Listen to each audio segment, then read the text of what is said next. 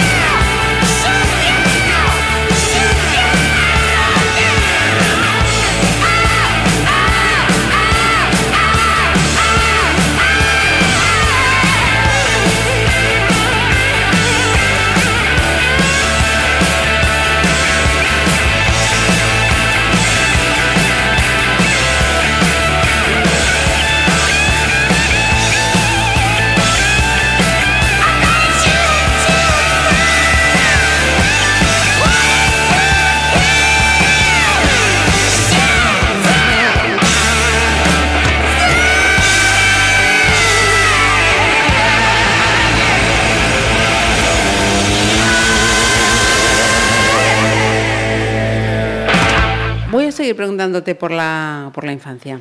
Ya de pequeño, ¿cómo te inicias en el, en el deporte? Si es que te inicias de, pequeño. Sí, yo pues mm, con tres años, si no recuerdo bien, eh, me mm, tenía pues eh, asma y, nada, pues eh, fuimos, mi madre que trabajaba en un hospital en Montecelo, pues fuimos arriba y, y dijo el doctor que era lo mejor era, era nadar.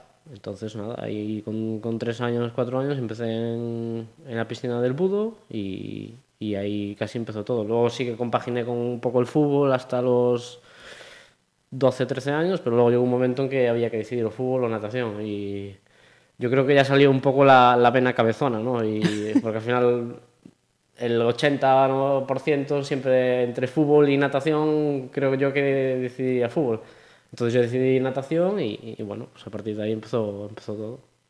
Fíjate, me decías, con tres años te detectaron el, el asma. Sí, porque mm, yo me acuerdo que, obviamente no tengo recuerdos de tres años, pero sí que eh, estaba en casa de mi abuela, míticas casas de la zona vieja, porque mi abuela vive cerca del parador, y, y sí que con, con, el polvo y con los ácaros y todo, sí que tenía bastantes problemas para respirar, y bueno, a partir de ahí, pues eso, surgió uh -huh. todo. Y me acuerdo de tener muchas crisis de estas de asma y todo, y tener que subir a 12 de la noche, cosas así, al hospital, porque era incapaz de respirar. Y esas míticas estas Ahora no, ahora el son, ventolín. Pero ahora son así, son sí. simplemente. Antes había como una especie de. Mm, de mascarilla. De mascarilla sí. y de una, un, bueno, un, un, coso de plástico sí. que así eran bastante grandes y la verdad es que antes era bastante aparatoso. sí, siendo un niño más impresionaría más. Sí, sí, sí. Caramba, ¿y lo llevas bien con el tiempo? Sí, a ver, ahora mismo no tengo ningún problema con el asma. Sí que a veces, pues sí que si hay una casa muchísimo polvo, sí que lo noto. Pero a nivel vida normal y tal, sí que no tengo problema ninguno. Ajá. Mira, eh, ¿a qué cole fuiste? Al Sagrado Corazón de Jesús. Bueno, Sí, sí, no, porque mi padre trabaja allí, entonces allí pues eh, sí que me tocó estar bajo presión bastante, ¿no? Porque aparte allí eso, entras desde pequeño hasta que sales en, en bachillerato y, y claro, a ver, yo siempre, yo lo reconozco, yo no tengo problema ninguno, pero siempre fui bastante mm, hiperactivo ajá. y en clase estar sentado todo el día, pues a veces, bueno, hacías muchas pillerías en clase y todo, y claro, cuando te pillaba el profesor, a mí lo tenían fácil. Decían, ¿Eh? primaria aparte estaba arriba, mi padre daba clase en primaria y, y yo cuando, cuando estaba yo en eso, pues siempre me, me decían, como sigas así, vas a subir a clase a hablar con tu padre, no sé qué, tal, y entonces estaba todo el día... Amenazado. Sí, sí, totalmente. Pero bueno, es lo ¿Te, que llegó, te llegó a dar clase o...? No, a mi hermano sí, a mi hermano le dio alguna clase, creo que eh, alguna optativa o algo así, pero a mí, por suerte, no, No hubo, porque libraste. Me dijeron que era bastante duro, la verdad. pero bueno, Mira, la, la desventaja que tienes es que eso, hagas lo que hagas, a- al instante estabas, vamos, marcadísimo, sí. Sí, sí, no, no, marcadísimo. Aquí estaba- no valía decir, vamos a tratar de mm, No, poner yo- una firma que no sea la de mi padre, porque vamos, ahí estaba fuera. bastante atado de pies y manos en todo momento. O sea, aunque quisiese mentir, era imposible. Entonces ya, lo de mentir, imposible. Entonces ya, bueno. Mira, ¿y cómo era de, de estudiante? ¿Eras estudioso? ¿De cómo estaban los libros? Mm, ni fu ni fa.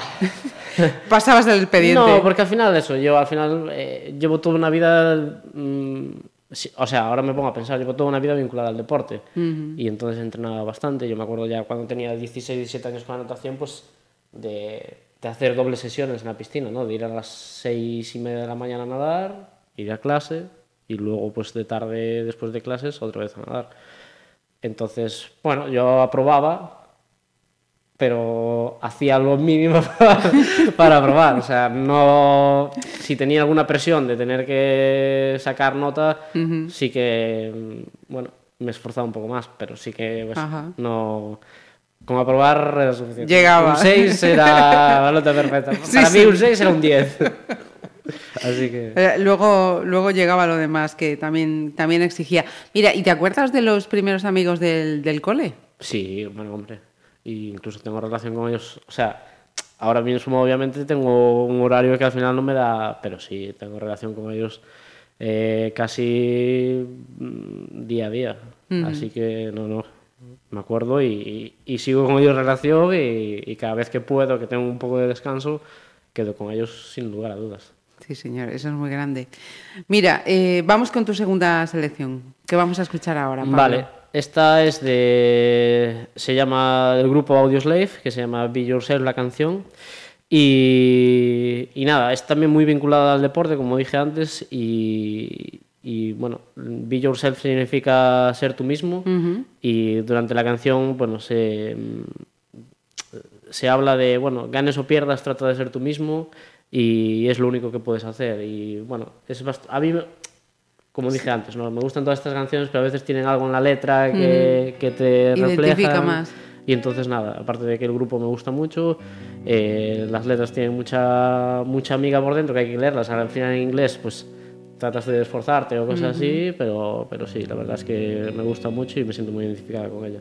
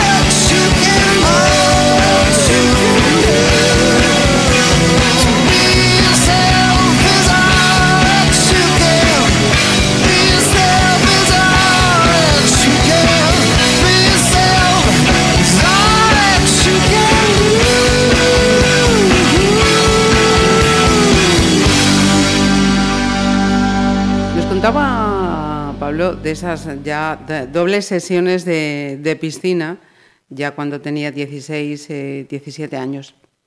Antes de llegar ya a ese, a ese nivel, eh, ¿en qué momento Pablo es consciente de que, bueno, mira, eh, lo mío es esto, es el deporte y hay que empezar a, a esforzarte? ¿Fuiste tú? ¿Fueron tus monitores? ¿Fueron tus padres los que vieron que el chico para esto valía? ¿Cómo, cómo fue la cosa? Yo creo que fue todo, todo fue viniendo. Tampoco natación era un fenómeno, un Michael Phelps de la vida, ¿no? Sí que, bueno, tenía buenos resultados a nivel gallego, eh, hacía pues alguna mínima de campeonato de España, pero bueno, al final llegabas al campeonato de España y no te comían los mocos, ¿no? vamos a ser sinceros. Ibas allí casi, pues, bueno, por, por cumplimentar, hiciste la mínima y ya está. Al final, yo creo que el mejor resultado que hice fue un 17 en 400 metros estilos o algo así. O sea, tampoco... No hay... Bueno, no hay- algunas quisiéramos. ya, hombre, ya. Pero bueno. Y yo creo que nadie me animó ni cosas así, pero sí que he sido bastante cabezón a lo largo de mi vida. Incluso cuando hice algo el paso al triatlón, pues sí que fui cabezón. Pero, pero bueno, fue viniendo todo, más o menos así. Nadie me, me animó ni nada, siempre me gustó entrenar. Fui un machacas, sigo siendo machacas y, y yo creo que viene de todo por ahí. Ajá. Mira, ¿y recuerdas la, la primera medalla o el primer trofeo que, que ganaste? Uf, eh, seguramente habría sido un trofeo eh, que se hacía antes aquí en Pontevedra, pero hace no sé cuántos años podía tener, 10, 8 o algo así.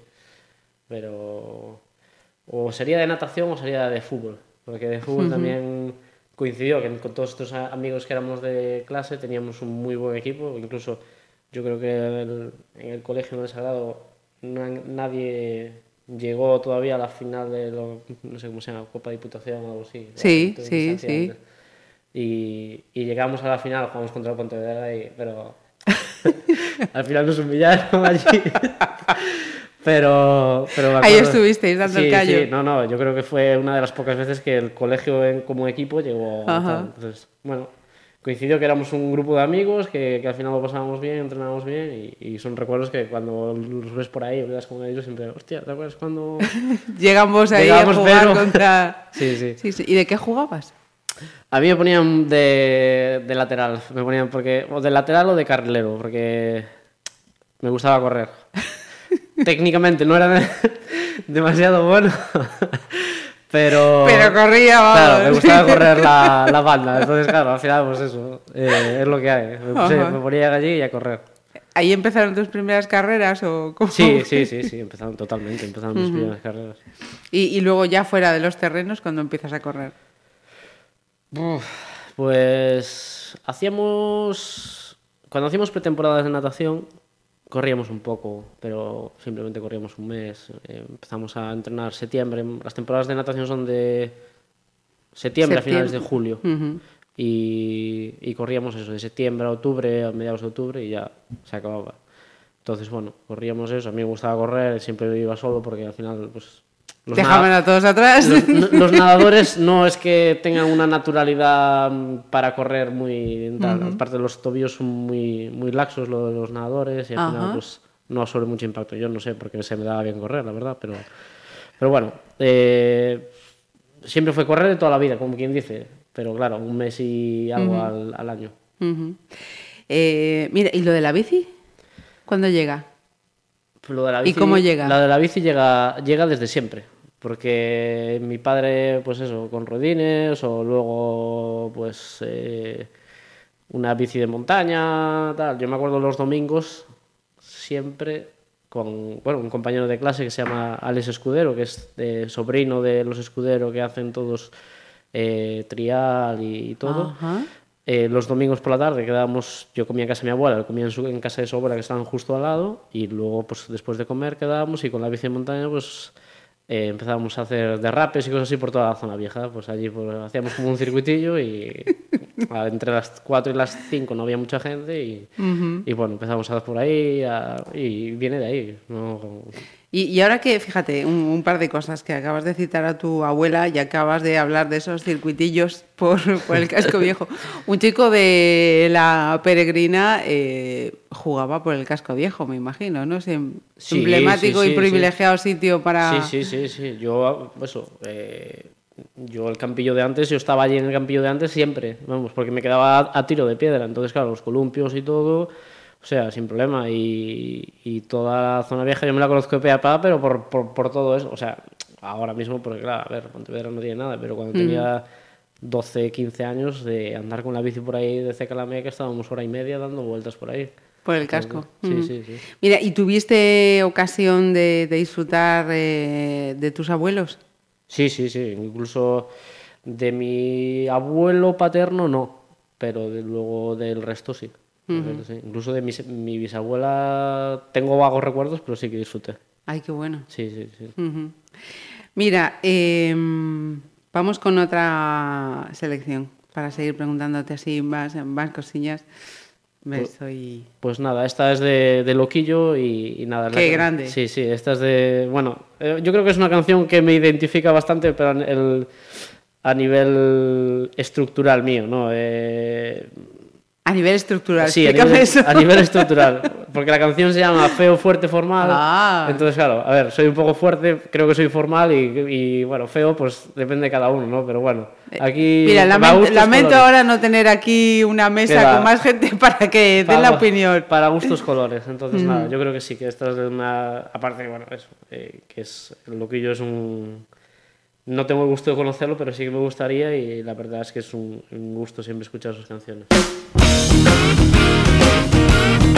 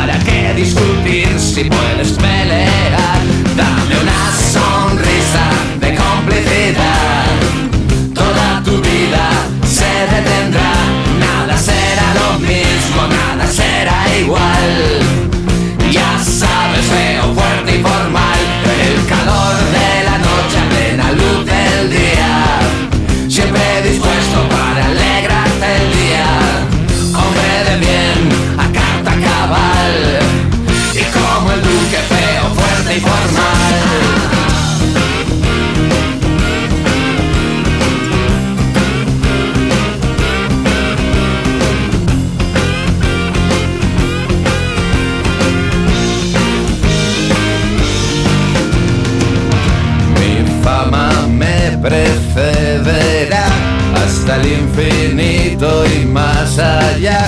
Y vive Dios que escrito está. Si te doy mi palabra, no se romperá. No vine aquí para hacer amigos, pero sabes que siempre puedes contar conmigo. Dicen de mí que soy un tanto animal, pero en el fondo soy un sentimental.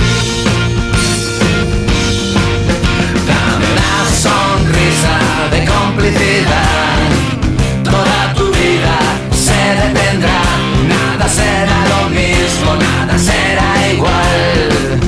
Ya sabes, feo, fuerte y formal, en el calor de la noche, a plena luz del día. Siempre dispuesto para alegrarte el día, hombre de bien, a carta cabal. Y como el duque feo, fuerte y formal.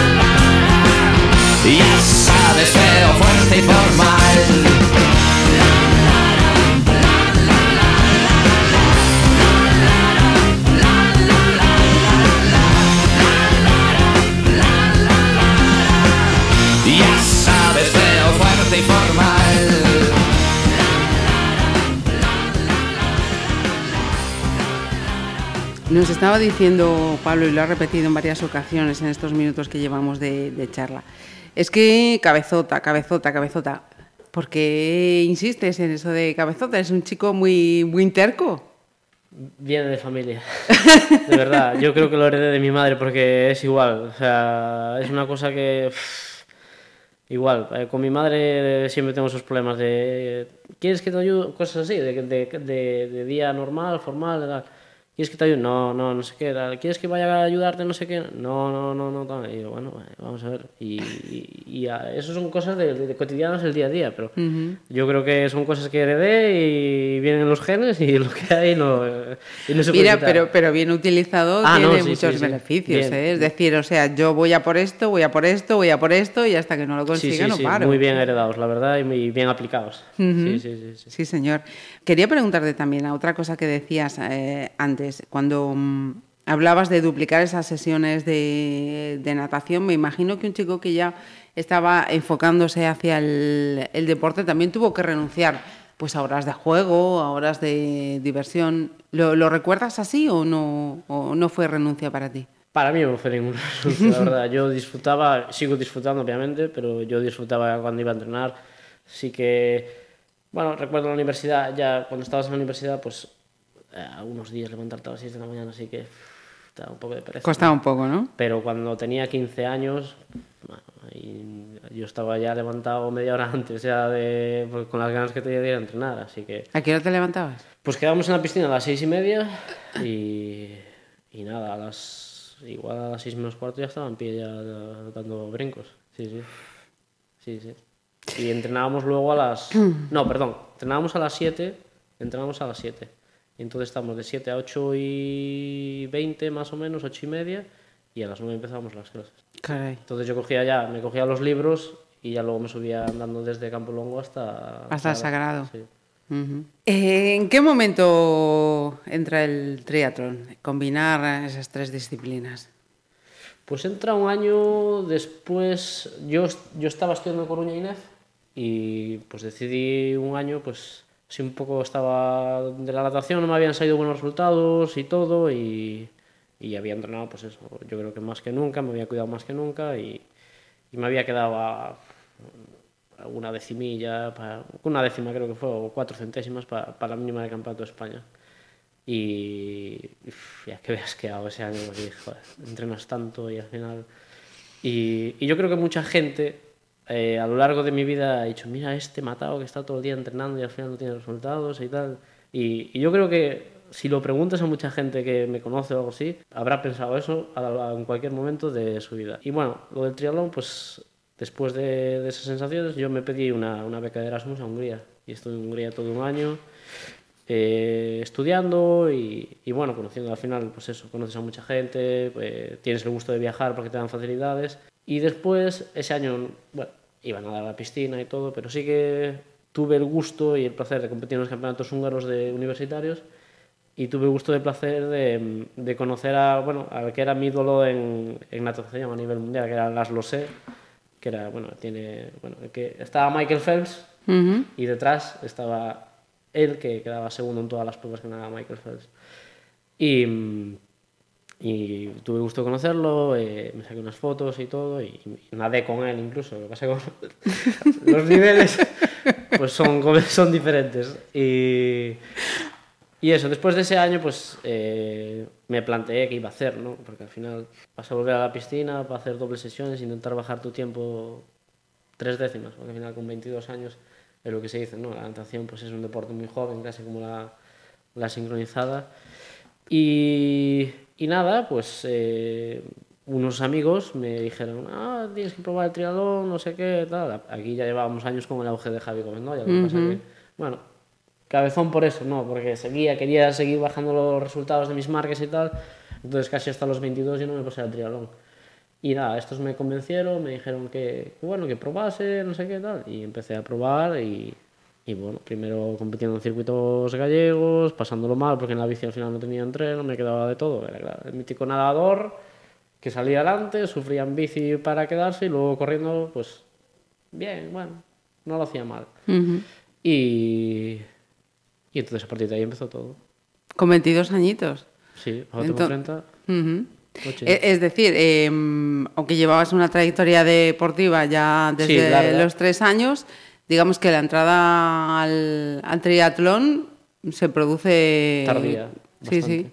Porque al final no tienes, no tienes un trabajo detrás de decir has hecho técnica de carrera o has hecho técnica de bici o cosas así. ¿no? Yo empecé, bueno, pues eso. La técnica que yo tenía era los derrapes del circuito de- por la zona vieja con mi amigo y correr las pretemporadas de natación. Entonces eso era la base que yo tenía. Pero bueno, a partir de ahí todo empezó bien y Pues, pues fijaros, con 22 años. ¿Y dónde está todavía? Vamos con otra de las canciones que has seleccionado para esta play, para Pablo. Pues esta sí que ya es, mm, bueno, algunos no los conocen ni nada. Se llama, es un grupo, pues es americano, pero con raíces irlandesas, ¿no? De, bueno, de- que viven en, en Boston. Mucha gente de, de Irlanda emigró a, a Boston, Boston. Y, y nada, el grupo se llama Dropkick Murphys y mm, la canción se llama The State of Massachusetts, que, que, bueno, es una canción que yo la tengo bastante de comodín para todo, la verdad que buenos, malos, regulares, momentos siempre me la pongo y la verdad es que a mí me sienta de maravilla y, y la verdad es que muy muy bien. Y sobre todo, bueno, al final es el grupo en, en general en sí. Y, y sí que los vi una vez en, en directo y bueno, eh, la verdad es que muy muy bien y, y lo que pasa que claro, son, son, es un grupo de música que es medio que combina muchas cosas, flautas y música irlandesa con, con música punk y al final es no sé si alguna vez viste estos míticos corrillos así en los conciertos, así que se hacen como giros y la gente se va empujando y cosas así. Pues, eh, No, pero en cuanto termine esto lo voy a mirar.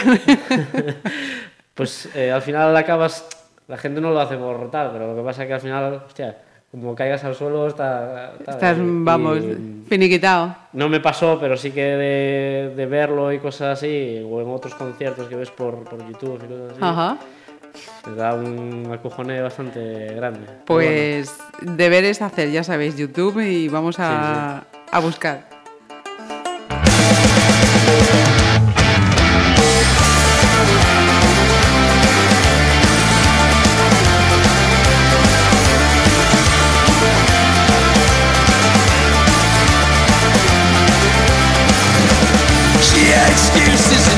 Chose to use them. She was a victim of unspeakable abuses. Her husband was violent, malicious, and distant. Her kids now belong to the state of Massachusetts. They've been taken away.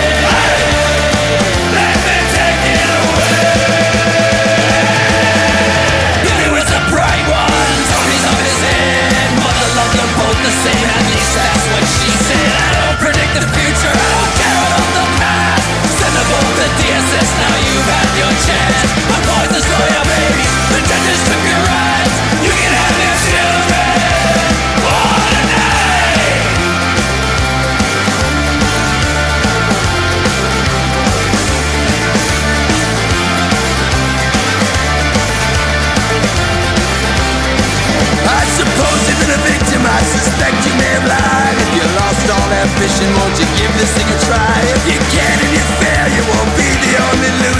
These kids don't stand a chance with you in their future.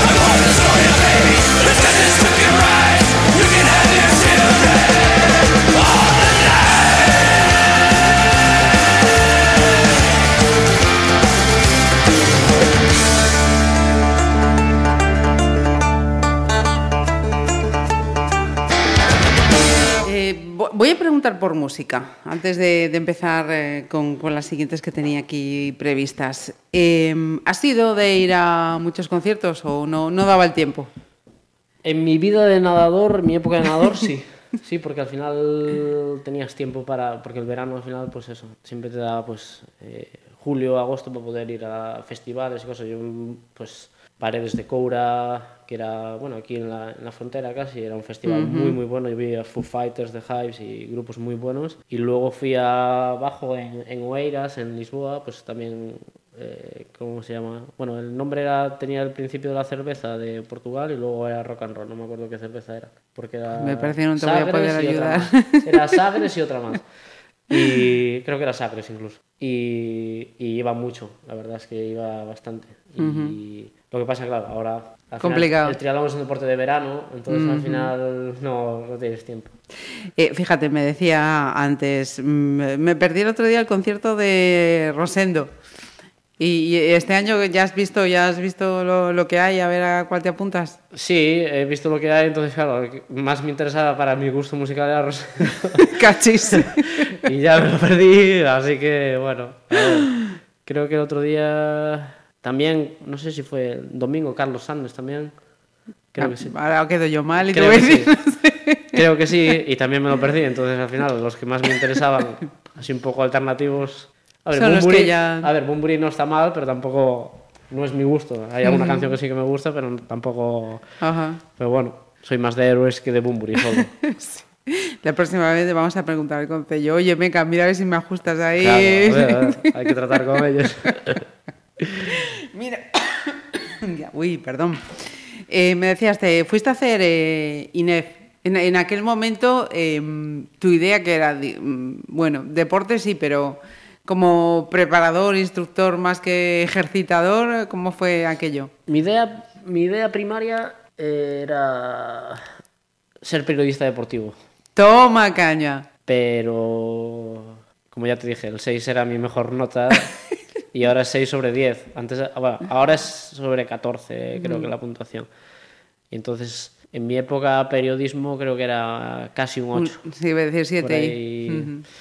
Entonces, no, no, no llegaba. Eh, y la segunda opción era INEF. Y entonces INEF sí que la media estaba bien, me llegaba de sobra. Y, y nada, le conté pues eso a mis padres que lo mejor era irme a Coruña, hay, hay INEF en Pontevedra. Pero lo mejor era porque era mejor y tal. Bueno, Tenía fama. excusa. Sí, en realidad, eh, en teoría dicen que sí. Pero bueno, era una excusa para salir de casa todo. Y- Decirle adiós a Borja. Sí, sí. Marcharme por lo menos 4 o 5 años y, y por lo menos vivir un poco. un Sí, poco- tu vida, ¿no? Un poco salvaje. Salir ¿no? del nido. Y, y bien. Fue, fue mi idea ir a INEF, eh, siempre estar vinculado. La verdad es que la idea era siempre estar vinculado al deporte de cualquier Ajá. manera. Y ahora mismo, pues, pues sigo todavía. ¿Lo terminaste? Sí, sí, sí, sí. sí, sí. eh, Cinco años. Mm, Mira, y de- te, dejo, te dejo beber, pero decías, o sea, vivir a lo salvaje. mm, ¿Viviste a lo salvaje? Bueno, a ver. ¿O era más vivir- mito, más mito que No, realidad? vi- vivir a lo salvaje en el sentido de vivir, pues eso, liberado de las cargas familiares y todo. Sí que al final yo tengo unos tíos que viven en Coruña y entonces mi madre pues pasaba un poco de reporte y decía a ver si los domingos iba a comer con ellos, por ejemplo. Ajá. Pero yo, por ejemplo, eh, yo cuando estaba, yo pri- primer y segundo año no, pero tercer y cuarto año yo venía aquí, navidades y verano. ¿Para qué más? Yo, o sea, o sea, a mí que me viniese, si queriese que si me viniese a visitar. Yo estaba, a mí Coruña, eh, ya lo digo, o sea, ya yo estoy encantado de esa ciudad y me gusta mucho y, y no tendría ningún problema en vivir allí porque al final, pues, eso, es un- forma parte de... Yo creo que a cualquier persona le gustaría esa ciudad, pero aparte con las amistades y todo que hice allí, pues muy, muy bien. Mantienes entonces, ¿no? Sí, sí, sí, Esa- yo- Esos vínculos de, de amistad que hiciste durante Sí, sobre todo porque al final, al final eso. eh, yo luego, al final aquí desapareció el Club Natación Pontevedra, entonces yo me tuve que buscar un club, me hice allí con del Club Natación Coruña y entonces, claro, al final, entonces, mm, amigo de toda una estructura de un club de allá que, que tenía, pues, no sé si eran 200, 300 personas allí afiliadas. Y entonces, claro, de, de esos amigos conocen a otros amigos que son de Coruña, entonces, claro, al final, pues montas así un, Un núcleo, sí, que al final conoces a muchísima gente en Coruña y, y hoy por hoy, pues eso, eh, siempre que puedo, mm, me gusta por lo menos, sobre todo voy en el descanso, cuando tengo el descanso en noviembre, voy, en, voy en descanso a, a pasar unos días, porque, bueno, un fin de semana, porque en realidad, mm, no solo por la gente, sino la ciudad ya en sí me gusta bastante.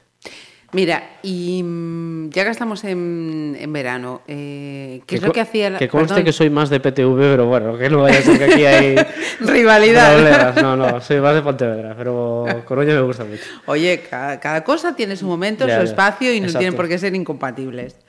Y mm, te iba a preguntar, ¿cómo, ¿cómo eran los veranos de la familia de apenas viajabais, salíais, aprovechando que hay aquí estas playas estupendas, ¿para qué marcharse? Pues ¿Cómo eran? Teníamos una casa en Bueu. Ah, Entonces nos íbamos, sitio. sí, nos íbamos allí y estábamos pues eso, en la playa de, de Puerto Mayor o en Agrelo o cosas así. Y bien, la verdad es que es un sitio tranquilo y, y ahora que voy paso bastante, bueno, ahora en verano no porque es un Cristo ahora con, con turistas y todo en bici, pero ahora en invierno suelo ir bastante por ahí, bueno, por la zona toda esa de- del Morrazo y todo, y la verdad es que me lo tengo bastante Qué gran sitio. Sí, sí, sí. Qué muy gran bien. sitio el morrazo, sí señor. Sin que nadie se pique. No, Pero exacto, es exacto. así, es así. Mira, yo te quería preguntar por eso, por si acaso, pues los veranos salíais por ahí, viajabais. La primera experiencia en el extranjero fuera de España fue esa, la que decías antes de Hungría. No, fue Portugal. Fue Portugal. No, por- Menos mal que no claro, queda Portugal. Valencia y estas cosas. claro. No, muchas veces íbamos a Valencia y... Pero bueno, quitando Portugal... Teníamos ya la sensación de estar en el extranjero. claro. No, quitando eso... Sí, yo creo que fue... Hombre, Mm. Canarias no cuenta, ¿no? Bueno, venga. No, pero sí que fue. Sí, Hungría yo creo que fue el primer primer salto así al extranjero. Luego sí que ya no parar. Eh, Es que por ahí, por ahí te iba a preguntar ya ahora. Y a día de hoy, ¿cu- ¿cuántos países has visitado ya? ¿Cuántos están ahí con sello en tu pasaporte? Mima, no lo sé.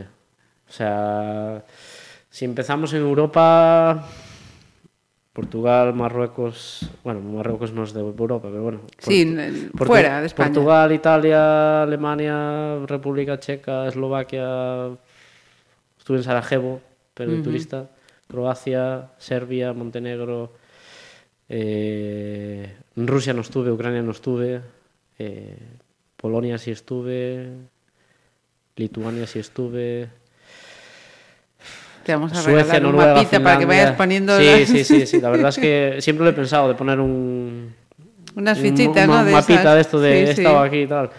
Y luego en Estados Unidos estuve, pero bueno, estuve casi esporádico un mes en, en Nuevo México, no, no estuve visitando por ahí nada. México estuve y Centroamérica sí que no estuve y luego estuve en Sudamérica estuve en Chile.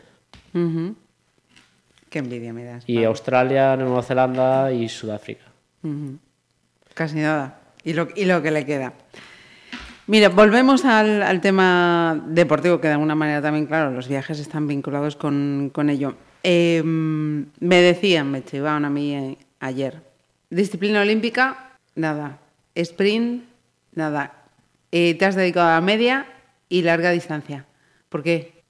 Pues yo creo, a ver, mm, yo cuando empecé a entrenar mm, en triatlón, pues eh, bueno, estaba lo mítico, ¿no? Distancia olímpica, sprint y todo, entonces yo ahí pues, mm, pues entrenaba y me gustaba y todo. Lo que pasa que siempre me dijeron, a ti se te va a dar mucho mejor la media por tus características, no sé qué, no sé cuánto. Y yo que no, bueno, yo voy a seguir, yo voy a seguir con la... Terco, sí, terco justo, ahí. Voy a seguir aquí, dejarme... Y, y luego, a partir del año que, que me operé de la hernia, pues dije, porque el año anterior había ido a unas copas del mundo a Hong Kong y a, y a Corea del Sur, y, y ahí ya estaba con la hernia y no pude, pude acabar una, pero la otra no la acabé. Eh, entonces ahí, si hubiese hecho esas dos pruebas bien, acababa el año entre los 70, 60 mejores del ranking mundial de, de distancia olímpica. Entonces eso me permitía el año siguiente empezar en series mundiales. Claro, como no pude acabar una carrera, la otra acabé penando, como quien dice, porque el dolor no me dejaba, em, no acabé entre eso, entonces al final no pude empezar el año en series mundiales, al final, bueno, tuve que operarme y todo, entonces hasta casi marzo no pude empezar a entrenar. Y entonces, bueno, pensé, bueno, pues es la hora de empezar otro desafío y probar con, con la media distancia. Y probé, probé engañado, porque me engañaron. La, la semana antes me dejaron una, una bici, una cabra, como llamamos, una bici de contrarreloj, que es la que usamos en pruebas sin, sin drafting, sin poder ir a rueda. Ujú. Y, y el primer medio que hice de media distancia fue en San Senso. Lo gané con, con 20 minutos de diferencia con el segundo, pero sí que dije, bueno, pues esto no está tan mal al final. Con 20 minutos, así nada. Como quien no quiere la cosa. Mira, ¿qué año era ese? ¿Te acuerdas? Estamos en el 18, sería en el 15. 2015. Sí, Fue el año posterior a la intervención. fue el mismo año. Mismo año. yo creo que fue en abril, finales de abril, y a mí me operaron en. Yo creo que el triatlón ese fue, sí, en abril, y a mí me operaron en enero o algo así. Mira, y cuéntame lo de, lo de esa hernia. Nada, fue una, una hernia inguinal. Al final, pues yo, yo estaba entrenando bien, estaba preparando esas copas del mundo y todo, y muy bien. La verdad es que tenía muy buenas sensaciones. Y, y justo la semana anterior me empezó a doler la ingle, y entre el fisio y tal, "Oh, no sé, aquí no tienes nada. e incluso miramos al doctor, hicimos pruebas, nada, no sé qué. Y ya, viajé allí, pues sin correr y sin nada, sin sensaciones ninguna, y decir, bueno, pues a ver si puedo correr o no.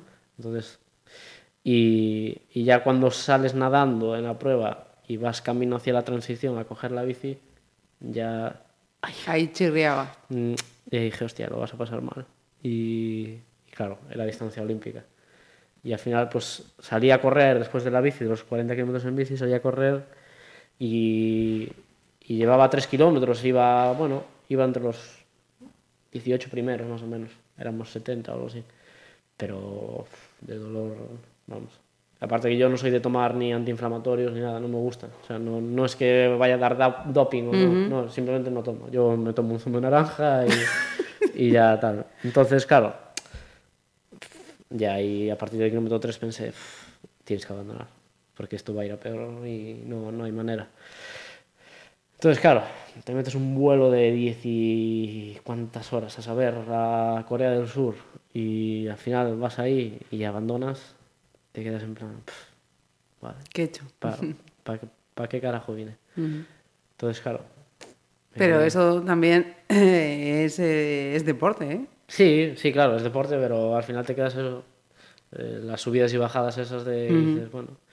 Entonces luego me, me, me fui para Hong Kong, eh, esa prueba ya era distancia sprint, era más pequeña, era, bueno, eh, la olímpica son más o menos dos horas, la sprint pues eso, una hora. Y ahí en vez de 10 kilómetros corriendo eran 5. Estuve esa semana pues sin, sin correr y sin nada, sin, bueno, eh, por lo menos para ver si recuperaba, porque yo realmente no sabía si era una hernia o era algo o que había había. roto o cualquier cosa. Y allí, pues, eh, bueno, eh, salí, eran dos vueltas de 2,5 kilómetros y la primera vuelta, pues, mm, bueno, iba soportando el dolor. Iba segundo, o sea, no iba mal. Lo que pasa que kilómetro 3 igual. Dolor, dolor, dolor, dolor de, de, de querer. Y dije yo, niños, son 5 kilómetros, te quedan dos. Llega, vete como puedas. Al final, entre cuarto, bien, contento, porque no, no había, o sea, no, no, o sea, llevaba un Caray, con lo que tenías de Sí, encima. sí. Pero, pero claro, fastidiado otra vez porque podía. Y si siempre te. ¿Y si estuvieses bien? ¿Qué pasaría? Y aún me lo sigo preguntando. Igual no estaba haciendo ahora media distancia, quién sabe. Ujú. Pero bueno, eh, son cosas de la vida, al final aprendes y, y es lo que hay. no. Efectivamente, efectivamente. Venga, vamos a hacer otra paradilla. Vale, esta es la de antes. Eh, se llama Sun 41 y se llama Into Deep y son, pues estas son canciones pues eh, más o menos de punk y cosas así que, que, que me recuerdan bastante a, a esa época de teenager, a los 15, 16 años. Y bueno, porque a esa época pues todo el mundo escuchaba Operación Triunfo, David Ajá. Bisbal, Chenoa, Rosa, tal. Y, y pintabas como, como que eras el raro, el que escuchaba cosas raras. Y dices tú, bueno, pues nada. Y, y nada, es eso, es simplemente eso. Pues venga, vamos con ellos y yo también hago otro de mis descubrimientos de la playlist. The faster we're falling, stopping and. We're running in circles again. Just as things were looking up, you said it wasn't good enough. But still, we're trying one more time. Maybe we're just trying too hard. When really it's closer than it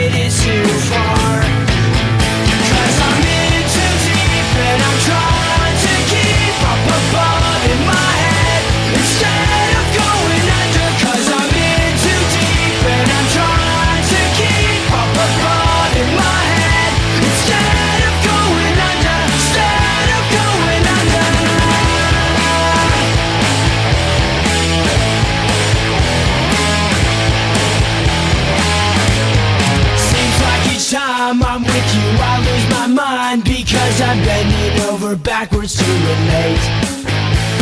It's one thing to complain, but when you're driving me insane, well then I think it's time that we took a break.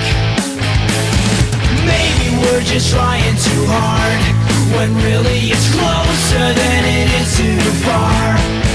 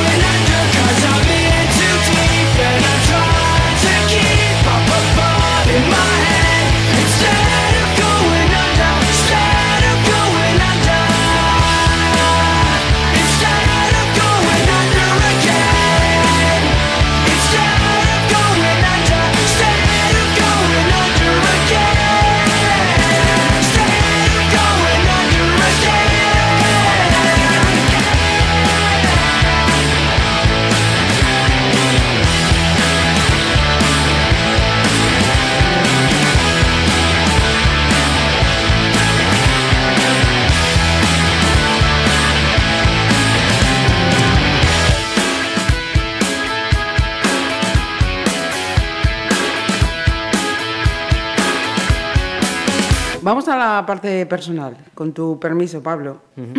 ¿Chico enamoradizo o no? No.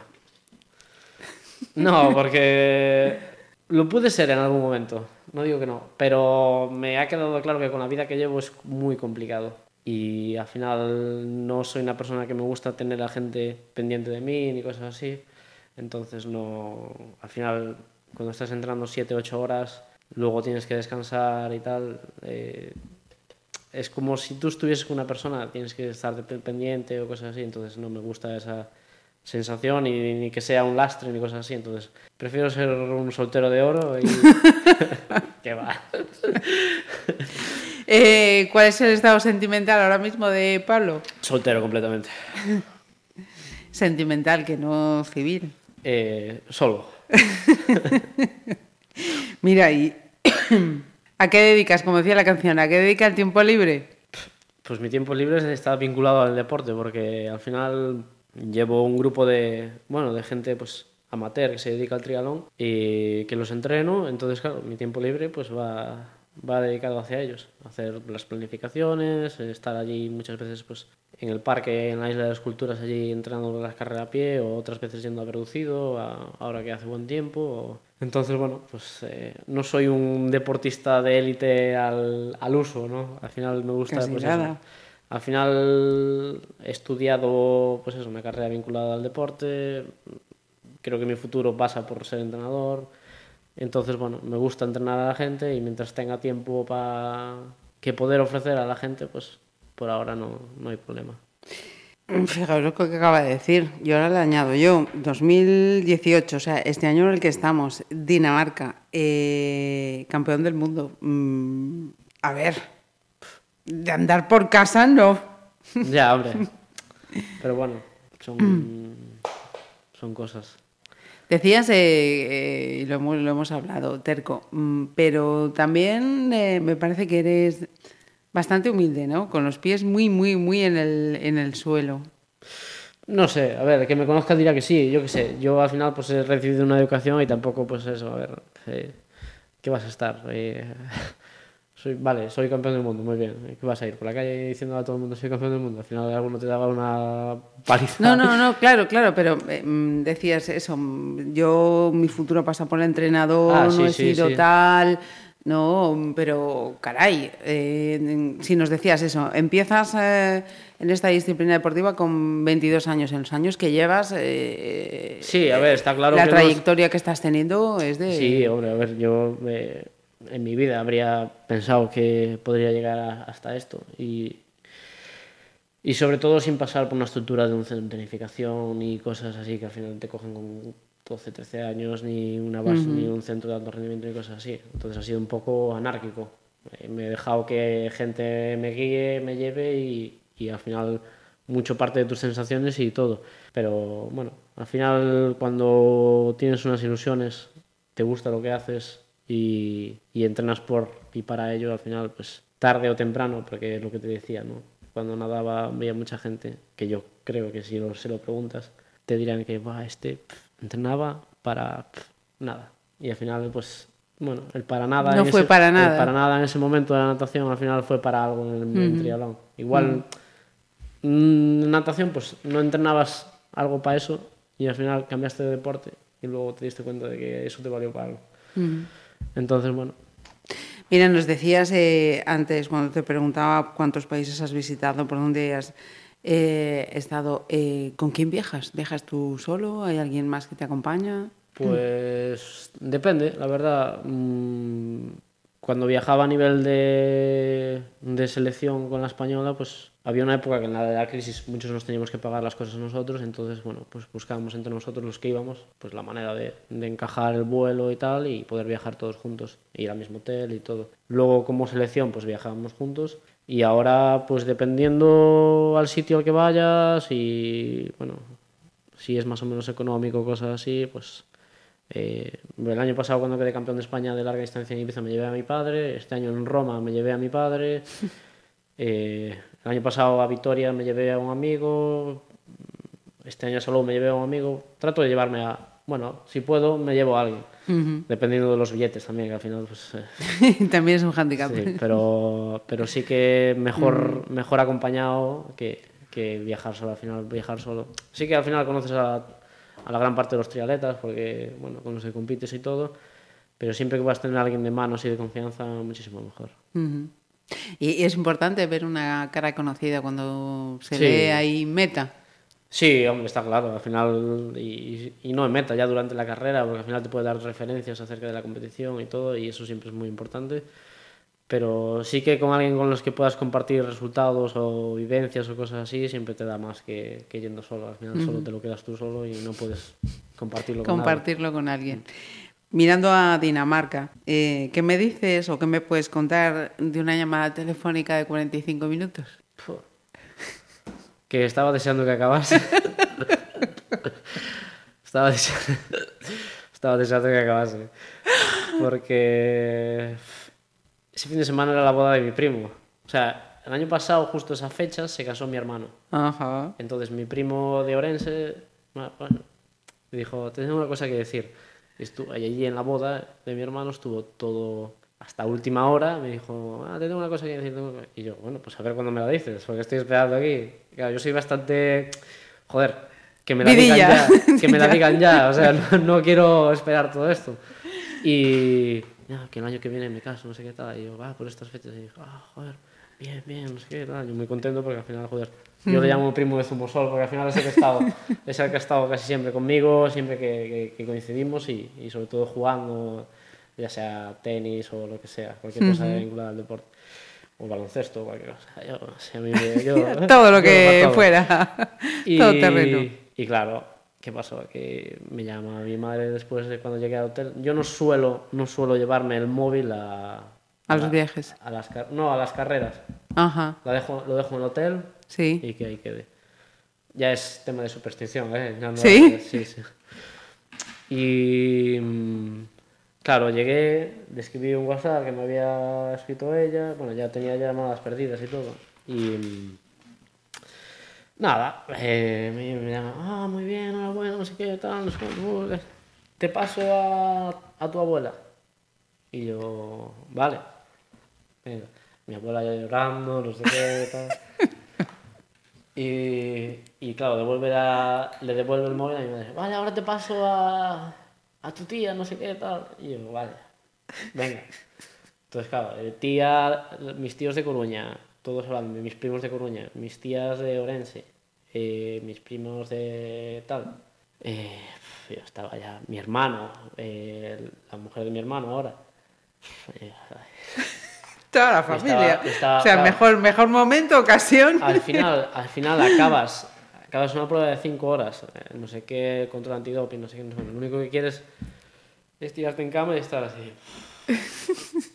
Y estaba, me acuerdo, ¿eh? Estuve los 45 minutos de esto que estás con la cama así, eh, con los codos y luego las rodillas en el suelo. Y muchas veces así en plan- Y con, con el altavoz puesto. Con el altavoz Sí, sí, puesto. totalmente. Y estaba solo en la habitación. Y, y allí esperando, bueno. Que sí, muy bien, gracias. Claro, porque al final Todos lo mismo. todos dicen lo mismo. enhorabuena, Enhorabuena, no sé qué, tal, no sé cuánto. Y el último, mi primo. Y dije yo, joder. Esta es, esta, es la, esta es la llamada, al final esto es lo que yo quería. O sea, lleváis 40 minutos, que tal, y al final hablé con él y tal, y muy bien, muy cansado, porque al final, claro, él estaba igual que yo. Porque claro, a él estaba circunstancias, claro, pero- Igual estaba 300 personas allí, o no sé cuántos había, Ajá. felicidad, no sé qué, tal, claro, yo igual, pero claro. Pero no en persona a persona, face to face, Ajá. pero bueno. Pero bien, muy bien, muy bien. Sí, final, señor. Que recibas todas las felicidades de tu familia. Y bueno, aparte luego por Facebook, eh, mi familia son todos unos frikis, ¿eh? De- mi abuela tiene Facebook. ¿Qué dices? 91 años tiene. Qué grande. ¿Cómo se llama esta abuela? Eh, le llamamos Uca. Uca. Sí, Qué bueno. Sí, sí. Y, y- con Facebook y tal. A veces te escribe sin querer, pero bueno, le gusta ver todo, todo, todo. todo. Qué grande. Oye, pues Sí, sí. vamos a dar un saludo a esta abuela con, sí señor, con perfil de Facebook. Sí, sí. ¿Ha sido cosa suya o ha habido algún nieto, algún hijo que le ha enseñado? Al principio mi hermano la, la estuvo maestrando, pero luego... Ella ya, enseguida le cogió sí, el sí, aire. navegó ya por su cuenta. Ya. Qué grande, Sí, qué grande, qué grande, sí señor. Mira, y lo has comentado también en algún momento antes, que era tu hermano el que se encargaba de las bicis. ¿Qué les pasa a las pobres? ¿Tienen miedo a viajar o qué es lo que pasa ahí? Yo no sé qué pasó realmente. No sé qué pasó porque no era normal. Ha sido tres veces, ¿no? Seguidas. No sé qué pasó porque no era normal. Yo creo que eh, igual que otras compañías como Vueling, pues están sufriendo retrasos que no, o sea, retrasos de en todos los vuelos de mínimo cinco horas o cosas así. Ujú. No sé qué pasa en, en Madrid, que, porque hay conexiones. A ver, al final cuando te ofrecen una conexión es que hay tiempo de sobra. Entonces hay hora y 20 o algo así, y eso es tiempo de sobra porque al final la T4 es una recta, no tiene mucho más. Entonces da para mover y todo, eh, las maletas sin problema. Entonces yo no sé qué pasó ahí, que hubo problemas, pero no solo a mí, eh, a mucha gente. Ujú. Y no sé, la verdad. Y, y me pasó para ir al mundial, me pasó al volver del mundial, que yo llegué un domingo y hasta el jueves no me llegó a casa. Ujú. Y luego para ir para Praga, que ahí estaba un poco más acojonado. Tensionado. Porque viajé dos días antes de la prueba. Entonces tenía, como quien dice, un día de margen. Y me llegó a las 7 de la tarde el día antes de competir. Pero bueno, ahora eso, mi hermano ya tiene el contacto con comunicación de Iberia y aparte viajo con una etiqueta que pone priority. Ajá. Pero bueno, es una etiqueta que viene de anteriores vuelos. O sea, yo me la guardo porque... Por si. Por si... Para que lo vea y diga, hostia, priority. Hay que moverlo. Con cuidadín. Sí, sí. Con cuidadín. Vamos a ponerle un toque musical. Venga, ¿con qué Vale. vamos ahora? Pues ahora, nada, estas de, de, de morriña cuando estás fuera, ¿no? Eh, sí que tengo dos canciones. eh, pongo la de Iván Ferrer, la de Turnedo, porque, bueno, cuando estás fuera, al final pasas bastante tiempo fuera y todo, pues siempre te da un poco de morriña y el volver a casa y tal. y, y, bueno, la de la canción de Turnedo esta, pues sí que te, te vuelve un poco a... Carga pilas. Sí,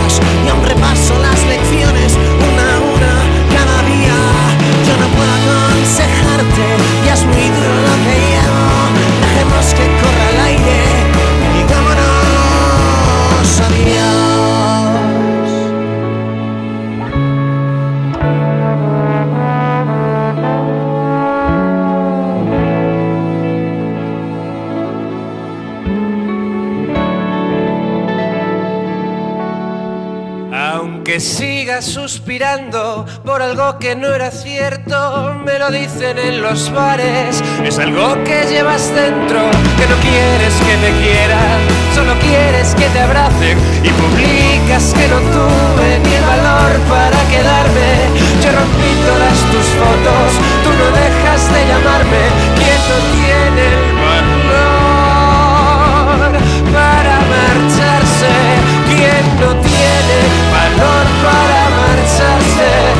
¿Quién no tiene valor para marcharse? ¿Quién prefiere quedarse y aguantar? Marcharse y aguantar. Mira, vam- vamos a hablar ahora de, de Pontevedra y de triatlón. Em, ¿Cómo se ve desde dentro, como profesional, el progresivo auge que, que ha tenido el triatlón aquí en, en Pontevedra?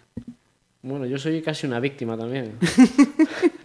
Cuéntame eso, Yo soy casi una víctima porque eso, con 22 años, al final, eh, yo creo Pero que... de hay- aquella, mm, vamos, mm, bueno, quizá, quizá empezaba, sí, quizá sí. empezaba ya, Sí, sí. Aquí hay un protagonista de la película que bueno Javi. Que, que tiene sí, que es Javi, ¿no? Al final, pues eh, gracias a él, gracias a bueno a, a todo lo que ha hecho, ha conseguido, pues al final mucha gente ha motivado a hacer triatlón. Incluso hay mucha gente que un perfil de triatleta amateur, pues es una persona que ha dejado el fútbol para meterse en triatlón. O sea, estamos hablando de, pues eso, mucha gente que ha dejado el fútbol, pero de fútbol de tercera o, bueno, en divisiones más abajo, que iban dos días a entrenar eh, y luego jugaban el partido. Entonces, y esa gente ahora ha pasado de eso a entrenar todos los días y a machacarse y luego a competir. O sea, estamos hablando de que, no sé, es, es algo extraordinario. A mí me Sí, parece, sí, sí, sí, me parece sin que- duda. y, y hay muchos perfiles así de gente de- o gente sedentaria que ha empezado a hacer triatlón o cosas así. eh. Yo- y, y eso, el principal protagonista es Javi. Yo creo que aquí en esto pues eh, tiene mucho que hacer y, y la verdad es que el, el auge es impresionante en esta ciudad, la verdad. Yo, pues, eh, si tengo una foto de decir de esta ciudad, es el Campeonato de Europa que se hizo 2011, creo, 2011 o 2013, ya no me acuerdo. Bueno, que fue aquí que ganaron los hermanos Brownlee, que estaba toda la ciudad Sí, sí. en la calle. Volcadísima total. Yo, yo decía, "Pff, esto... en- No- no he- se ve. No he competido en ningún sitio con esto, con esta gente, todo, con todo este público. O sea, yo, y yo no he visto ninguna serie mundial con toda esta gente. Entonces, claro, al final, cuando una persona es capaz de mover todo eso, se te ponen los pelos de, de gallina. ¿Es- ¿Eso lo has hablado con Javi? Sí, sí, sí, sí. Él mismo lo, lo dice. Ahí no hay ningún sitio en el mundo en el que haya visto tanta gente. Y, es, y a él le sabe mal, porque es un día que a él no le salió bien. Al final él, pues creo que le dio un Ahí flato lo o algo así en el sí. estómago, sí, y al final pues quedó, bueno, entró con Iván Raña en, en meta.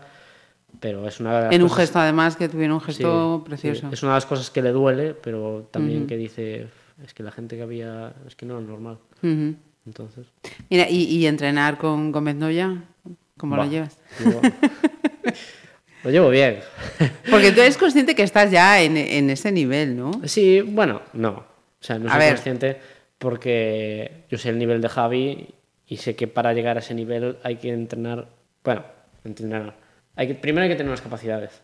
Entonces, para mí es un alien, un alienígena que, que, bueno, que tiene una capacidad. No solo es la capacidad de entrenar, sino la capacidad de recuperar de un día para otro. Que eso, a mí lo de Javi me, me parece espectacular. Que nadie lo tiene. Entonces, yo muchas, muchas veces yo tengo que ir a, a un ritmo más tranquilo para poder recuperar para el día siguiente. Que eso a él como si nada.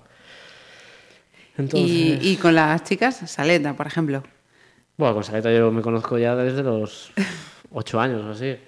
Compartíamos club en Natación Pontevedra antes y, y la verdad, pues, bueno, eh, anda bastante por aquí, bueno, anda ahí entre Valencia o Lanzarote, Pontevedra, pero sí, muy bien. Yo con Saleta tengo muy buena relación, casi, bueno, pues, amigos de toda la vida, como quien dice, y, y muy, muy bien. A ver si, bueno, pues este año creo que se la atragantó Hawái, así que a ver si para el año, pues, ya definitivamente, pues, eh, ya se clasifica por segunda vez. Mira, y hablabas de, de- de esos perfiles del, del triatleta amateur, cuando comentabas antes también de, de- de tu faceta de, de entrenadora. Em, somos un poco inconscientes a veces, ¿no? Cuando nos tiramos a, venga, triatlón, o venga, a correr, venga, a la bici. Estamos en una sociedad a la que... A ver, yo, lo- yo tiro, obviamente, yo tiro hacia mi rama, ¿no? Que al final hay que dejarse asesorar. Porque el perfil ese que te digo, bueno, pues eh, por lo menos has hecho deporte. Es que hay gente que no ha hecho deporte y en dos meses dice, voy a hacer un Ironman. O sea, con lo que yo te decía al principio de la entrevista, yo que estoy acojonado, que en un mes y diez días voy a hacer una prueba de nueve horas, entrenando siete, ocho horas al día. Imagínate la gente que dice, "No, dos horas y voy a hacer un Ironman. Sí, sí, no, por, por eso te quería preguntar, a ver si Pero eso pasa en muchos trasladamos un poquito de sentidiño, ¿no? Eso pasa en muchos deportes, obviamente. El triatlón es un deporte de resistencia y al final, pues, pues sí que es más llamativo. Pero igual que las maratones, hay mucha gente que "Ah, he corrido tres días y voy a una media maratón, dale. O carreras de montaña, que también pasa. Entonces, Los trails, sí, sí. Entonces, al final. ¿Cómo damos ese tirón de orejas? Que es que se ve, se ve No, mucha. Es que no se puede dar un tirón de orejas, la gente tiene que tener Incluso un poco... estos días de atrás, que ha hecho un calor que te morías y Sí, ves sí, a la sí. gente correr a las 7 Sí, de la tarde, a las sí, 8 de la tarde, y dices, bueno.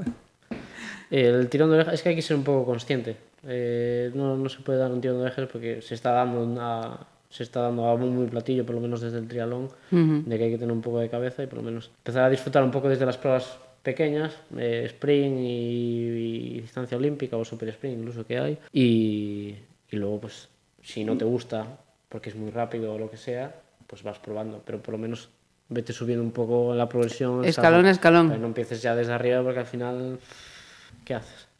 Y, y menos si no, ha- no, no tienes Si no hay una preparación mochila física, detrás, claro. Exacto. Mm. Que al final, pues hubo un año, creo que fue hace dos, que estaban dando casi salía. Percances casi una semana tras otra. cardíaco, Sí. sí, Gente que se quedaba. Incluso, incluso en el agua pasaba. En salidas del agua había paros cardíacos porque la gente no estaba habituada a nadar con mucha gente alrededor. Entonces se estresaba y había eso, paros cardíacos y cosas así. Ay, En qué necesario ese sentidiño. Vamos a hacer otra paradita. Venga, ¿con qué vamos ahora? Pues ahora vamos con Baba O'Reilly de, de Who, que es, eh, bueno, de cuando estaba en Coruña, de esa época salvaje. Eh, era la canción que siempre con la que cerraban allí en, en la discoteca, allí en el Playa Club. Y siempre cerraban los sábados de noche, que era- todavía era nadador, entonces los domingos no entrenábamos. Eh, a las seis y pico de la mañana, pues eso, eh, cerraban allí con, con esta canción y la verdad era el apogeo, era el éxtasis. Momento álgido. Sí, sí. Y luego yo de ahí para cama. Ya lo habíamos dado todo Ya y ahora ya tocaba Eh, descansar. Ya no había energía. ya.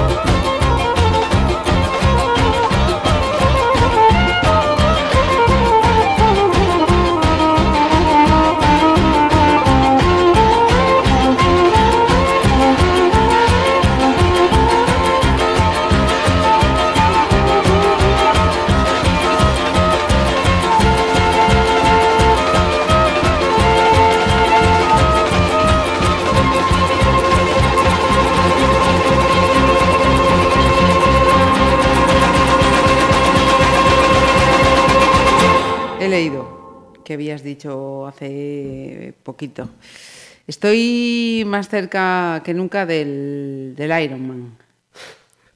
Pues sí, a un mes y poco.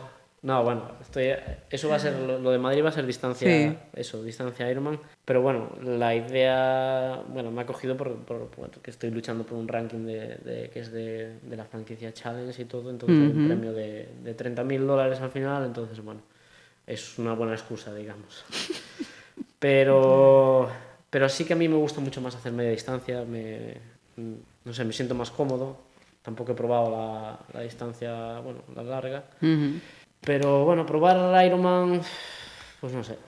Eh, a partir de, de, de Madrid sacaré conclusiones y veré si, si me ha gustado o no, si he disfrutado, porque no creo que disfrute demasiado, por lo menos la primera vez. Y, y a ver, a ver ¿no? luego el año que viene pues será pues, pensar, valorar un resumen de este año y, y ver.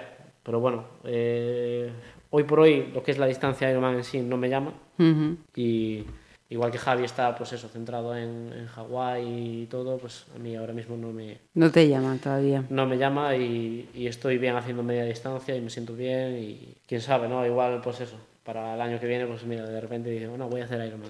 Pero bueno, espero, espero que no. Porque fijaos, estamos hablando de eh, 3 kilómetros 800 en natación, 180 kilómetros en bici y 42, o sea, una maratón. Una maratón, Una maratón. casi nada. Sí, ca- casi, casi nada. Para los buenos, 8 horas, para los decentes, 9 horas. Entonces yo soy decente, 9 horas. Entonces, claro, 9 horas exigiendo al cuerpo lo máximo. Y para los mortales, impensable. A partir de ahí, 10, 11, 12, el límite creo que está en 17, 17, 18, sí, por ahí. Si te pregunto cómo, tienes planificado el calendario, más o menos nos lo has dicho, ¿no? Pero la cabeciña, de aquí hasta el año que viene, ¿cómo, cómo va a ser? Hasta ese campeonato de España que va a ser aquí en, en Pontevedra, de larga distancia. Sí, Campeonato de España es en agosto, finales de este, de este mes, que no voy a hacer porque no me da el calendario. O sea, sí, sí, sí que me gustaría hacerlo, obviamente, competir en casa pues, eh, es, es algo que te gusta y quieres hacerlo, pero este año por motivos de calendario he tenido que renunciar a muchas cosas, muchas pruebas. Ujú. Igual que renuncio a Pontevedra la semana siguiente es el Campeonato de España de Distancia Olímpica en Coruña, también tengo que renunciar, que es el que quedé segundo el año pasado. Y, y a nadie le gusta renunciar a las cosas, y sobre todo pues cuando son cerca de tu casa, pero al final pues uno valora las cosas y dice, bueno, el Mundial de, de larga distancia es el año que viene en Pontevedra, así que bueno, vamos a llegar allí con, todo lo que haya y, y por lo menos que la gente lo pase bien. Y, y eso de también tiene que molar un poquito. Soy dorsal número uno, ¿no? Sí, dorsal. dorsal número uno. Este año también tendría, bueno, eh, como campeón de España de larga distancia, si compitiese en Pontevedra, en el Campeonato de España llevaría dorsal número uno. Pero bueno, sí. Eh, la verdad es que es, es un orgullo llevar el uno y en tu casa. Pero bueno, tenía que ser realistas y saber que hay el uno de verdad vive en Mourente y se llama Javier Gómez Moya, así que creo que es el rival a, a batir él allí. Co- ¿Cómo te gustaría que, que fuera? Porque me imagino, fíjate, hablabas antes eso, ¿no? De, co- de compartir eh, el éxito. Vas a correr aquí en Pontevedra, me imagino que, que cada mm, metro, casi me atrevería a decir, habrá alguien ahí gritando, venga Pablo, venga Pablo. Sí, bueno, a mí, pues. eh, yo me gustaría que fuese casi como la carrera que hice en Praga, que Javi ganó y yo quedé segundo. Me conformo con eso. Yo creo que ya es pedir bastante, ¿no? Pero, pero bueno. Pero mo- motiva, ¿no? Me refiero al hecho ese que durante todo ese esfuerzo tremendo, in- impensable para, para la mayoría de los mortales, ¿no? Sí, sí. Estar ahí con la gente que, que te conoce, que sabe quién eres, Sí. con, que vas corriendo, que conoces una cara, que ves qué tal, venga Pablo. Sí, sí, sí, no, Eso al final- es, es, es un motor brutal. Y sobre todo el, el circuito, ¿no? Que al final, pues, el circuito de carrera a pie pasa mucho por la zona vieja y todo. Y al final, es que yo me acuerdo cuando competí, 2012 hicieron aquí Campeonato de España y el circuito lo metieron todo por la zona vieja. Y, yo Brutal. Iba, yo iba... sé que no hay, no hay palabras. Es como si fueres con patines, Sí, casi, ¿no? Es- y, y vas- estamos hablando de volando. 2012, que yo al final no llevaba dos años haciendo triatlón y, y quedé décimo, décimo, un décimo en Campeonato de España y con nivel. Estaba, estaba Iván Raña, estaba Fernando Alarza, estaba Ushio, gente de mucho nivel. Y yo quedé allí el, eso, el 11 o algo así.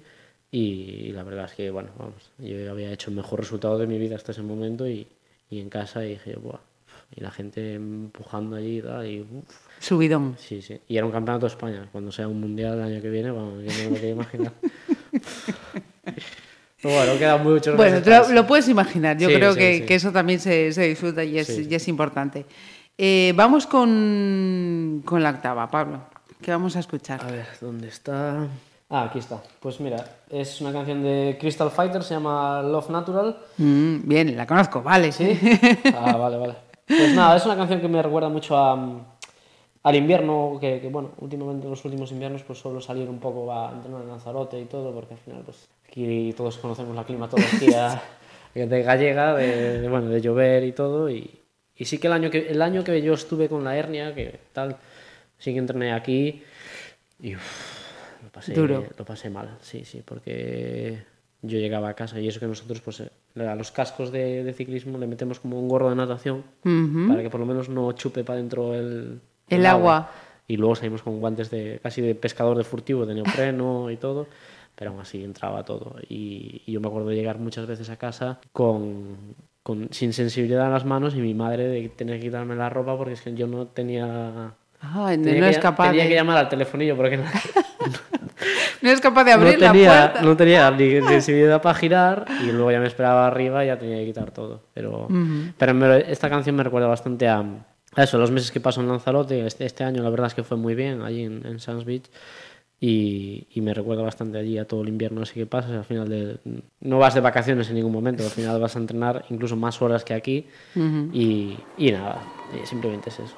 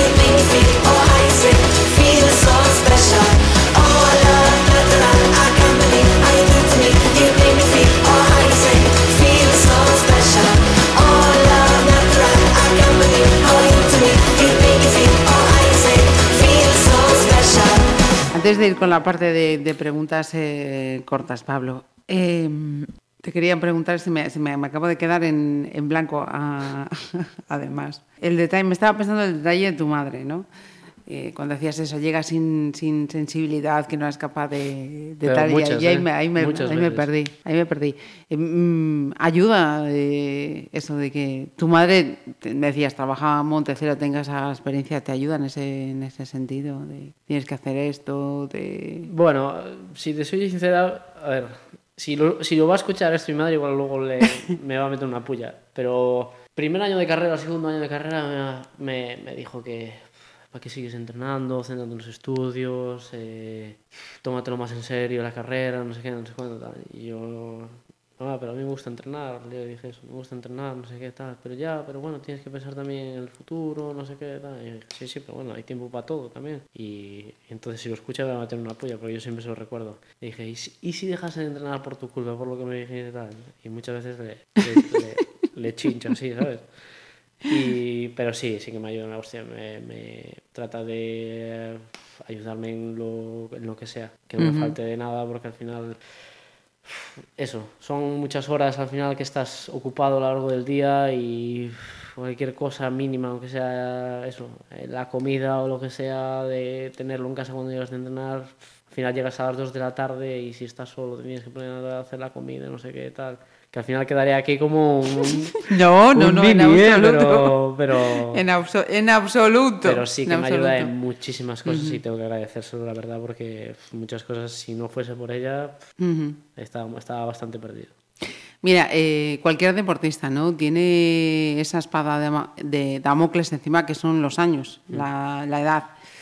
Tú, a día de hoy, mm, con esa edad tan temprana que todavía tienes, has dicho, bueno, eh, esto hasta tantos como límite o hasta que el cuerpo aguante a partir de ahí entrenamiento, o entrenador, perdón. Pues mira, tenía hace el año pasado, el año pasado tenía la idea de casi dejar de entrenar después del mundial.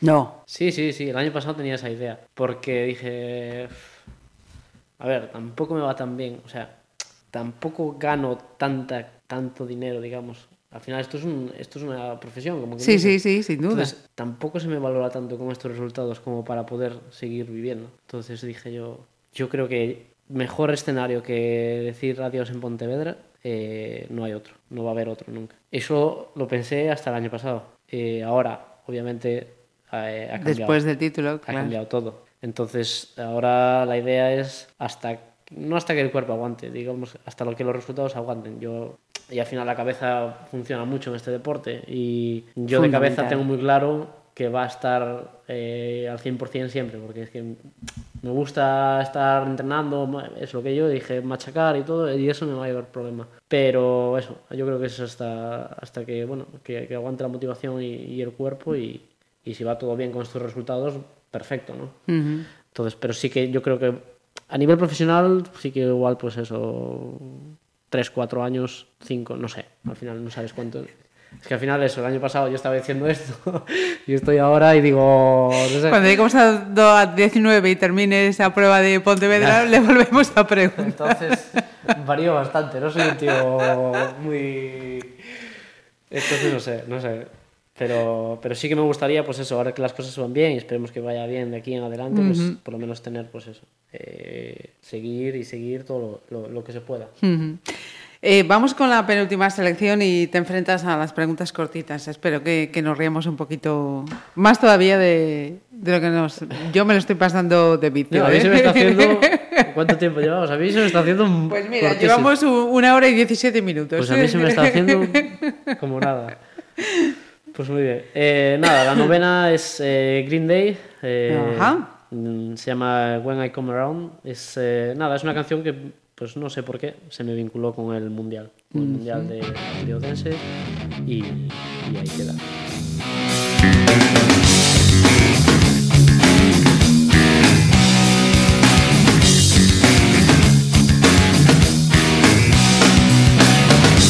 Well, I heard you crying loud of the way of the sound You've been searching for that song.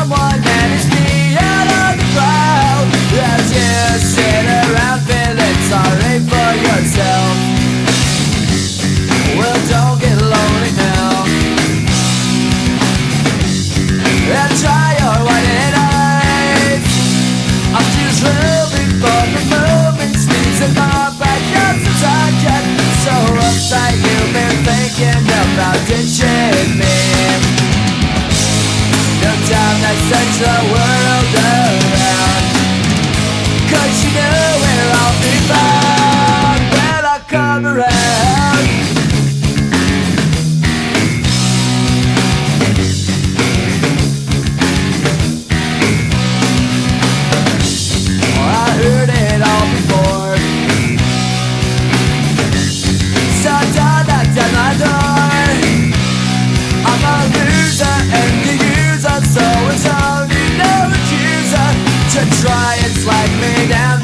I know you're right.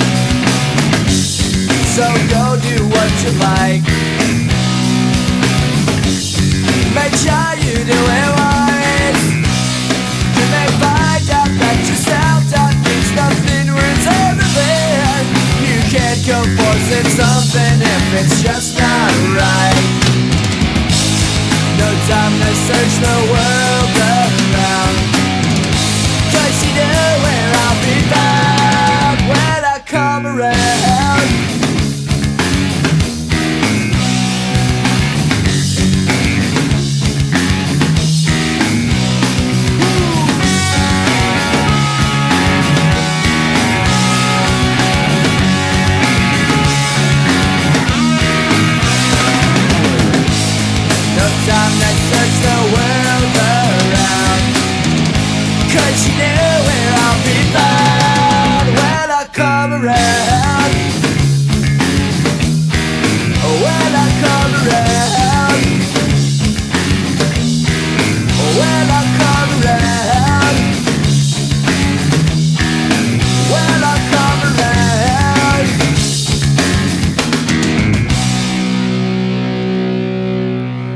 Yo, va- vamos con las preguntas eh, cortas y ahora cuando estaba dando paso al tema de Green Day, eh, lo del inglés, ¿qué tal lo llevas? Porque veo que se te da bien. Bueno, eh, mira, cuando fui de Erasmus a Hungría, yo pensé que sabía inglés. Pero es lo que pasa en este país. Sabemos escribir en inglés, Mm, ciertamente, pero no sabemos hablar.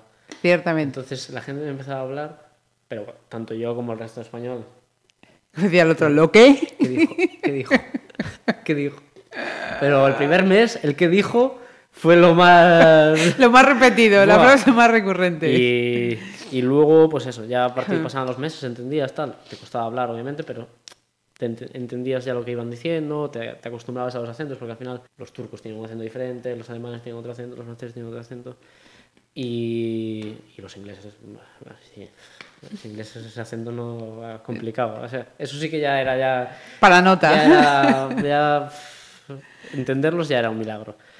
y, y sí que luego con el triatlón, pues casi eh, pues íbamos a entrenar a Sudáfrica, íbamos a entrenar a Nueva Zelanda con Javi, no sé qué. Entonces al final te obligabas a aprender. Sí, o sí. Te Ujú. obligabas a aprender. Entonces ya desde ahí, pues eso. eh, no he ido a ningún curso de inglés ni cosas así, pero La experiencia, vamos, la madre de, de la viajar ciencia. y todo te obligas a, o sea, es una obligación y es la mejor obligación que te, que te obligues a aprender porque al final tú aquí pues igual vas a clases no sé qué y bueno, pero sales de ahí y ya te pones a Del hablar. espacio de confort y Sí, cuando te claro. tienes que poner a... y estás sí, sí. eh, allá o hablas o no te queda otra manera. Tú estás en Nueva Zelanda y no te van a hablar español.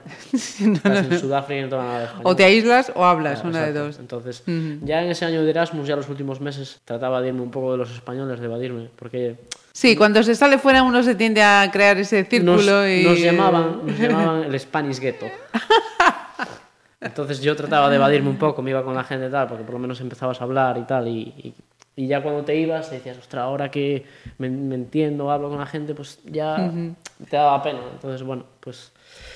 Pero sí que, que ahora pues me defiendo, sí que bueno, no hablo como un bilingüe, pero sí que para hablar y defenderme por, por el mundo delante sí que, sí que me da. Mm, el- la parte de canciones de inglés que toca aquí me me ha hallado, ¿eh? Has pasado, de- has pasado del 6, como decías. Que- Has pasado del 6 de sobra. Mira, eh, vamos a hablar de redes eh, sociales. ¿Qué, qué significa eso de Pablito Pini eh, en Twitter? Ah. Bueno, el Pini viene de Coruña, porque nada, es una tontería, eh, la verdad. Eh, había, ¿cómo se llamaba? la- una tienda que estaba en las cinco calles, subía, que subía que estaba a mano derecha. Una tienda de deportes. No, de- era un poco vintage. Ay, sí. Car- eh, Carnaby. Bien, pues ahí yo me compré una camiseta de un Playmobil. Ajá. Y tenía un Playmobil aquí, no sé qué. Y claro, en Coruña flipaban. Decía, hostia, no sé qué, joder, cómo mola, no sé qué, tal. Y, y a partir de ahí, pues me empezaron a llamar Pinipón. es una tontería. ¿eh? Entonces dije, bueno, empezó el tema de las redes sociales, de Twitter, Instagram, no sé qué tal. Y dije, ¿y yo qué pongo? ¿Pablito qué? Pues, Pablito número, no. Pablito Pini, me quedo así. Y ahora pues Toda la Sí, vida. señor. Sí, Toda la señor. vida. Mira, y eres muy activo en redes sociales. Sí, pero porque me gusta. Hay, a ver, hay gente que lo hace por tema de mm, sponsors, cosas así, no sé qué. A mí en realidad me gusta bastante las redes sociales. Me gusta estar, me gusta estar activo, no sé qué, pero porque me gusta. No es porque sea una obligación ni nada. Entonces, para mí no supone un problema ni nada. Y, y siempre que me escriben, incluso, que al final, pues eso, te escriben bastante, siempre trato de contestar y todo a lo, a lo que te pone y sin problema ninguno. ¿Qué redes tienes cuenta? ¿Tienes red en Twitter, en Facebook, ya hemos visto con la abuela? Sí, Facebook, Twitter y Instagram. Yo creo que son las tres básicas. Fundamentales para moverse en el El manejo triángulo. El triángulo de las. Bermudas. Sí, sí. Mira, em, tengo que reconocer que, que me lo ha recordado él, que si no ya, ya se me iba. ¿Cómo se lleva? ¿Cómo te afecta esto de ser zurdo? Bueno, para la vida, bueno. eh, de pequeño en clase sí que había bastante problema, porque al final, pues. Estaban ahí machacándote, utiliza la otra mano, utiliza la otra mano. mm, Bueno, no, yo creo que eso eran tiempos bastante de, de atrás. A mí no. eh, Claro, estamos hablando yo de generaciones diferentes, yo soy- claro, claro, Yo aún no, aún no me castigaba por ser zurdo. No, pero sí que el tema del boli y todo, que se te corría la tinta, todo mientras escribías. Era bastante coñazo, ¿no? Al final veías a la gente, no sé qué. y- Pero sí que cuando jugaba al fútbol. Bueno, yo soy bastante raro. La verdad es que soy de, de mano zurdo y de pierna diestro. Y... Ah, conozco a alguien así además. ¿Sí? Sí. Y, pero sí que jugaba con las dos piernas cambiadas, sí, era bastante polivalente. pero, pero incluso que también cuando jugaba un poco al balonmano, porque me gustaba ir a ver el Teucro cuando era pequeño y todo, para tirar me gustaba y todo, pero nunca he tenido ningún problema. Para triatlón no hay problema ninguno, así que u- usas todo el cuerpo, así que no hay problema.